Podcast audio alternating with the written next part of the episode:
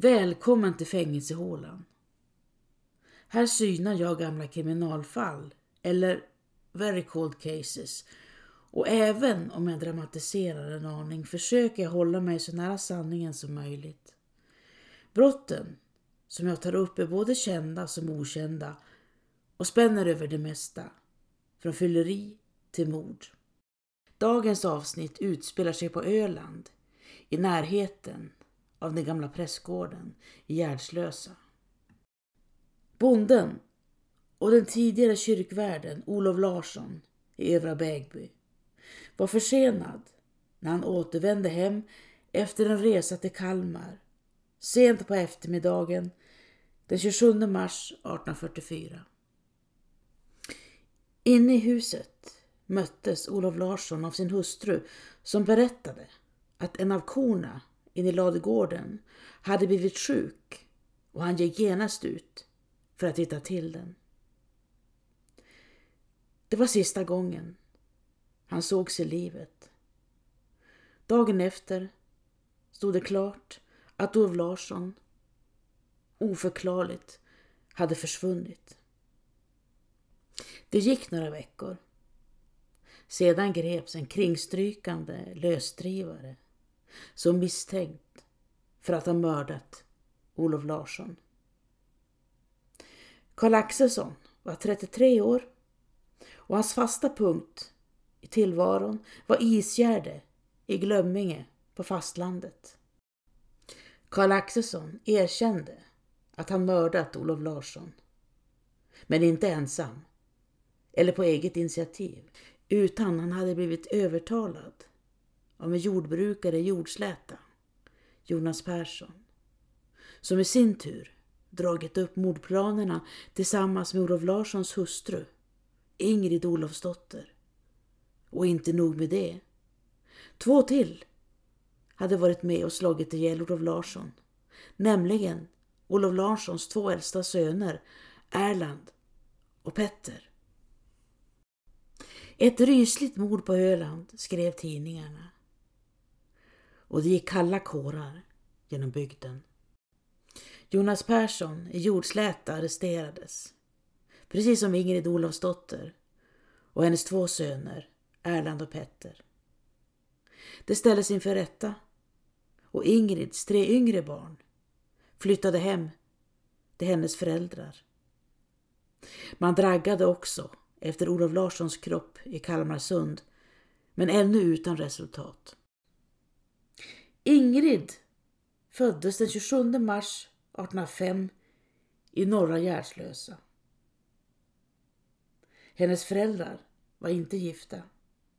Fadern, drängen Olof Torstensson, bodde i Lindby och modern, 24-åriga pigan Johanna Erlandsdotter, var skriven hos sina föräldrar i Norra Gärdslösa. Ingrid hade ett starkt band till sin mormor, Kerstin, som hon kallade för sin fostermor.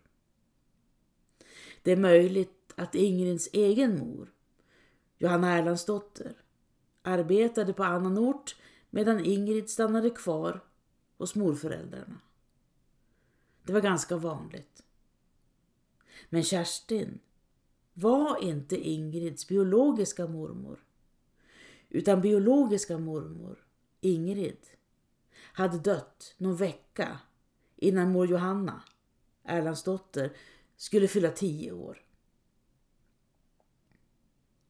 Ingrid verkar ha bott hos sina morföräldrar under hela sin uppväxt och det hade det gott ställt ekonomiskt. När Ingrid var 12 år, i augusti 1817, födde hennes mor Johanna en son som fick namnet Per. Barnets far var Olof Torstensson. Samma man som var far till Ingrid. Föräldrarna var fortfarande inte gifta. Det skedde först 1819. Och två år senare fick de ytterligare ett barn, en dotter som fick namnet Karin. Mor Johanna hade då flyttat till Lindby. Men det är troligt att Ingrid inte följde med henne utan stannade kvar hos morföräldrarna. Redan i slutet av november samma år, 1821, gifte sig Ingrid med bonden Olof Larsson i Gärdslösa. Ingrid var 16 år, Olof Larsson 9 år äldre. Deras första barn, sonen Erland, föddes i december 1822. Olof Larsson var barnfödd i Gärdslösa och tre år yngre än den dåvarande prästens son. Prästgården låg inte långt borta. Olof visste med säkerhet vem Erik Johan Stangelius och hans syskon var. Det stack ut ur mängden. Men det motsatta var inte självklart. Att Erik Johan Stangelius kände till Olof Larsson. Vi vet ingenting om hur äktenskapet började. Men någonstans på vägen blev det svårt. Författaren Gustav av Geijerstam har skrivit en berättelse om mordet på Olof Larsson och han beskriver förhållandet mellan makarna.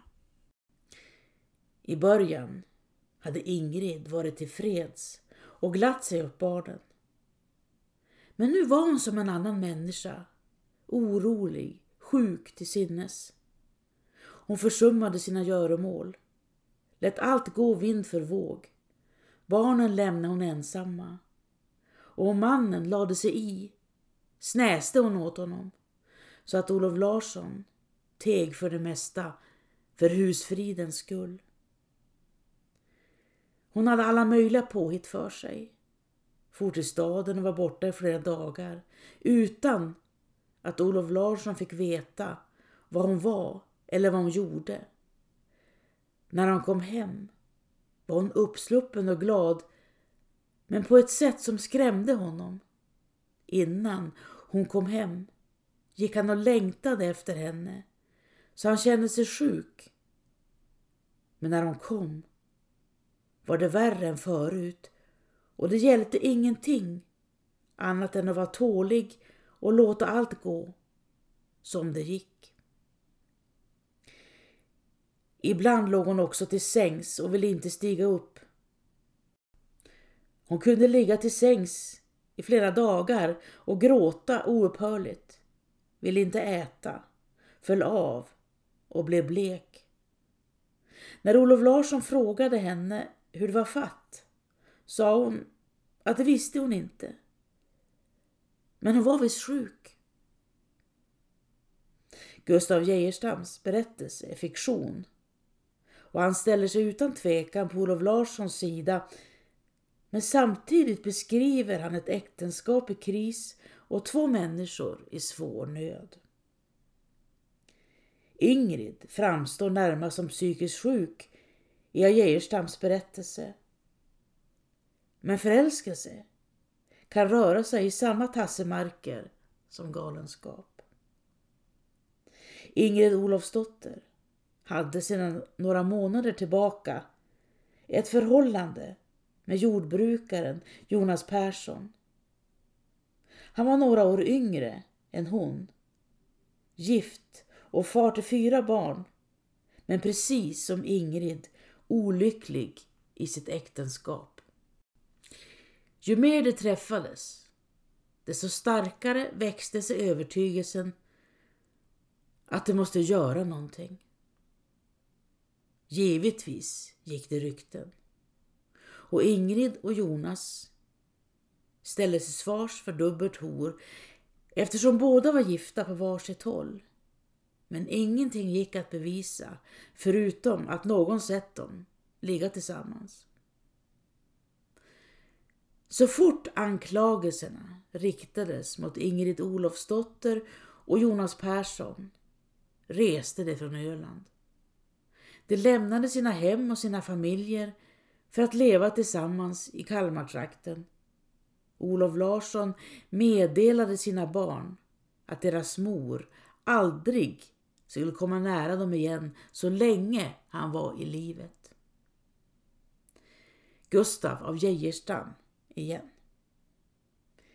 Ingrid hade sina vägar för sig. Olof Larsson var van vid att hon var borta. Var hon fanns gissade han nästan. Men det var en sak som inte stod att ändra på och han suckade bara vid tanken på att ha fått en hustru som inte kunde hålla sig hemma utan sprang i bygden omkring med gud vet vilka karar. Gustav av Geijerstam börjar sin berättelse vid nyåret 1844 när Olof Larsson väntar på att de två äldsta sönerna Erland 22 år och Petter 18 år ska komma hem från ett julkalas. På den tiden gick det hårt åt vid de stora julkalasen. Det dansades, åts och dracks och när brännvinet, som ännu lönnbryggdes i stugorna, gjort sinnena eldfängda var det inte långt till kniven. De äldsta sönerna hade varit borta i två dygn. De hade farit på kalas och när de kom hem visste Olof Larsson av gammal vana hur det var fatt. Ur gård i gård foro det och när brännvinet var slut ute i gårdarna hittade de alltid vägen till någon av de hemliga eller öppna krogarna som hölls vid landsvägarna. Så länge pengarna räckte fördes där ett vilt leverne med drickande kortspel och jäntor. Och när de äntligen återvände till hemmet var de fulla och trötta, sov i dagar och Olof Larsson hade ingen hand med dem. Det var modern som givit dem pengar och hon höll dem om ryggen när fadern gjorde invändningar mot deras regellösa levnadssätt. Ingrid släpade hem till gården allhanda personer som Olof Larsson icke förstod sig på. Lösa karar med obestämt arbete och kvinnor som var kända på krogarna i trakten. Ännu värre blev det när sönerna växte upp och på sitt håll levde samma liv som modern. Olof Larsson blev ensam mitt i sin fädernesby och han skämdes av att tränga sig på hos andra som han såg undvek beröring med honom. Vid ankomsten till slottsfängelset i Kalmar uppgavs Ingrid Olofsdotter vara drygt 180 centimeter lång, mörkhårig och blåögd. Arrendator Jonas Persson var 190 centimeter lång, blåögd och rödhårig. Hemma i stugan fanns hans hustru Brita Nilsdotter och deras fyra barn. Tre döttrar på 25, 22 och 9 år samt en son på 5 år.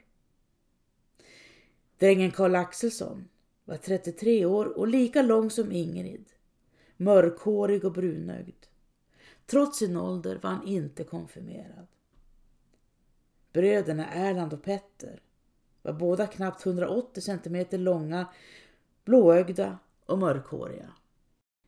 Ingrid Olofsdotter berättade inför rätten att hon länge velat bli av med sin make. Olof Larsson var elak och vrång mot sin familj. Och Ingrid gick så långt att hon kallade Olof Larsson för rubbade sina sinnen. Men hon hade ingenting med mordplanen att göra. Hon hade inte ens varit på gården den aktuella kvällen utan besökt bekanta söderut. Ingrid erkände däremot att hon haft en olovlig förbindelse med Jonas Persson sedan 1843. Jonas Persson berättade att han övertalat lösdrivaren Karl Axelsson att hjälpa honom med mordet och sedan även övertalat Ingrids två söner, Erland och Petter, att vara med. Planen var att Ingrid skulle lura ut Olof Larsson i ladugården och där väntade Karl Axelsson och sönerna beredda att skrida till handling. och på kvällen den 27 mars 1844 på Ingrids 38 födelsedag gjorde de sig redo. Så fort Olof Larsson steg in genom porten smög Karl Axelsson fram och slog honom hårt i huvudet med en yxa. Erland och Petter grep in i misshandeln och tillsammans slog de ihjäl Olof Larsson. Ivern var så stor att de även högg varandra. Och det var nog skadorna som ledde misstankarna till Karl Axelsson. Senare på natten hjälptes männen åt att sänka kroppen i en isvak i Kalmarsund. Jonas Persson upprepade inför rätten det han redan sagt. Att han tagit på sig uppdraget att röja Olof Larsson ur vägen och övertalat försvarslöse Karl Axelsson samt även Ingrids två söner, Erland och Petter. Han hade även övervägt att själv utföra handlingen men han hade aldrig varit ensam med Olof Larsson. Den 28 maj hittades Olof Larssons kropp i Kalmarsund och den 20 juni skickades de fyra fångarna åter med transport till Öland för fortsatt rättegång. Alla fem dömdes till döden. Domarna överklagades och månaderna i fängelset gick långsamt medan de rättsliga kvarnarna malde. I slutändan sänktes Karl Axelssons straff till livstids straffarbete, 40 par spö och uppenbar kyrkoplikt. Jonas Perssons straff sänktes till 10 års straffarbete för medhjälp till mord. På samma sätt som Ingrids straff sänktes till 10 års straffarbete för medhjälp till mord. Ingrid misstänktes vara den drivande kraften bakom mordet. Men konkreta bevis saknades. Hon hade sagt att hon ville bli av med maken, men inte att hon verkligen varit med och planerat mordet. Karl Axelsson och Jonas Persson skickades till Malmö länsfängelse. Jonas Persson för att installera sig inför straffarbetet. Men för Karl Axelsson var det mer en mellanlandning inför den slutliga förflyttningen till hans krona citadell. Bouppteckningen gjordes efter Olof Larsson. Både Ingrid och sönerna hade lämnat in skrivelser till rätten angående fördelningen av kvarlåtenskapen. Ingrid skrev. För det första begärde hon en tredjedel av den fasta och lösa egendomen. Som så mycket obestridligare som en man med mig i hemgift erhöll den fasta egendomen och större delen av lösöret. För det andra skrev hon, förbehåller jag mig min morgongåva, 32 lot silver, samt fördel uti bo. Och för det tredje, att utav skiftat bo först utta och fördela egendomen som tillfallit henne efter styrmorden Kerstin Persdotter, Gärdslösa, som dött 1830 och som hon testamenterat till Ingrid. Styvmormor Kerstin hade inga egna barn och valde att ge sitt lösöre till Ingrid. Ingrid skickades till kvinnofängelset i Norrköping. Kvar i det dystra slottshäktet i Kalmar satt bröderna Erland och Petter, 22 och 18 år. För dem stod dödsstraffet benhårt fast. Gustav av Geijerstam igen.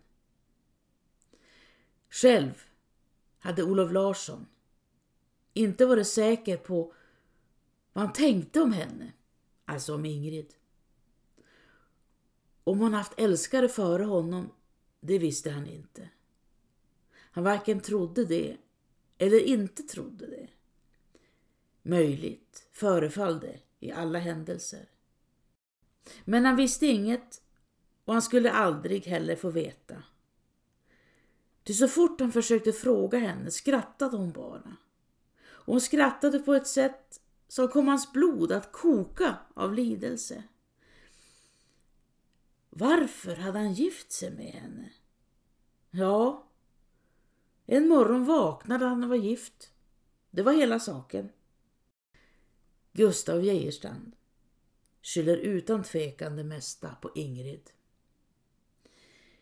Ingrid Olofsdotter hade många samtal med fängelseprästen i Norrköpings fängelse. Under det första samtalet sa Ingrid att hon var oskyldig till precis allt. Prästen skrev i sina anteckningar. Hon visar förmåga att svänga sig. Han fortsatte. Sedan kallade hon på mig och erkände sig ha haft beblandelse med Jonas Persson men var oskyldig till delaktighet i mannens mord. Vilket hon även påstod under andra samtalet, liksom under det tredje och fjärde. Hon vidhöll det under förhören, men erkände att hon många gånger önskade sig vara av med mannen som var elak mot henne och barnen. Erland och Petter, Ingrids två söner, ansökte om nåd från dödsstraffet två gånger men fick avslag båda gångerna. Den 2 augusti 1845 mellan klockan fem och sex på morgonen rymde bröderna från Kalmar slottsfängelse. Det var båda under beredelse inför dödsstraffet och hade placerats i ett enskilt rum. Under natten hade de rivit ner en del av väggarna vid dörrposten och lyckats komma upp i norra tornet där de hoppat ut genom en öppning 40 meter ovanför marken. Petter hade kommit undan men Erland bröt foten och blev liggande på marken. Petter och Erland bad att församlingen skulle ansöka om nåd för dem. Men församlingen nekade. Det brott som de begått var av det ruskigaste och vidrigaste sort och att de uppvisar ständiga bevis på det mest vildsinta levnadssätt som nattskojeri, slagsmål, svordomar, fylleri och olydnad mot sin fader. Olof Larsson genom Gustav av Geijerstam. Under uppväxtåren sprungo de två äldsta pojkarna halvvilda omkring och gjorde allt slags ofog. Kastade sten på det som for förbi, slogs med varandra, stal i huset och pinade djur när de kunde komma åt. Fadern försökte ofta aga dem. Men modern lade sig alltid emellan. När hon hade sina onda dagar skrattade hon som om hon varit sinnessjuk åt allt. Vad det tog sig till. Kokade kaffe åt dem och ibland gav hon dem brännvin. Pojkarna hyllade sig till modern och mellan dem och henne utvecklade sig ett tyst förbund i vilket de höll ihop mot fadern. Så gick åren. Den 11 september Halshögsbröderna Erland Olofsson och Petter Olofsson på Övre Bägbys avrättningsplats Gärdslösa dömda för mordet på sin far. En spetsgård var formad och bröderna avrättades efter varandra. Förmodligen halshögs Erlands först och sedan Petter eftersom Erland nämns först i dödboken. Tidningarna skrev om avrättningen en vecka senare och kallade det för en blodig akt som hade kunnat göras på ett annat sätt. I Norrköping fick Ingrid besked om sina söners död och prästen antecknade. Underrättelsen om sönernas halshuggning förkrossade Ingrid alldeles. Och han tillfogade sedan att han brukade vandra av och an i fängelsets kulvert, arm i arm med Ingrid, medan hon beklagade sig. Tidningen Barometern skrev den 5 november samma år. att Ingrid Olofsdotter på Spinnhuset visat mycken ånger och ruelse. Men en trovärdig man, en ölänning som kände Ingrid väl, berättade att Ingrid alltid varit en förtjuserska som alltid förstått att ställa kappan efter vinden. Att hon i Kalmar gjort sina försök att skaffa sig vänner och gynnare. Ingrid haver med andra ord alltid varit en fiffig dame. Jonas Persson blev sjuk i Malmö fängelse. Han drabbades av lungsot och avled den 21 juni 1847. Ingrid Olofsdotters släktingar ansökte om nåd för henne 1850 men fick avslag. Året efter ansökte Ingrid själv om nåd men det avslogs också. Ingrid frigavs först efter fullgjort straff i maj 1855. Ingrid återvände till Öland och bodde sedan i en backstuga under Störlinge. Äldsta dottern var gift och bodde hjärtslösa medan de två yngsta barnen lämnat Öland. Gustav Geijerstam skrev Hon bodde ensam i en stuga vilken låg i en utkant av byn och det fanns ej många som bytte ord med Ingrid Olofsdotter. Hennes blotta närvaro spred förskräckelse. I själva verket var Ingrid död. Hennes brott hade omgärdat henne med en mur av enslighet. Ingrid Olofsdotter avled 1887, 82 år gammal. Så vad ska man säga? Kanske kastar utslaget från Kunglig Majestät 1845 ett ljus över förhållandena. Kunglig Majestät skrev att Olof Larsson under de senaste åren hade blivit rubbad till sina sinnen och blivit elak.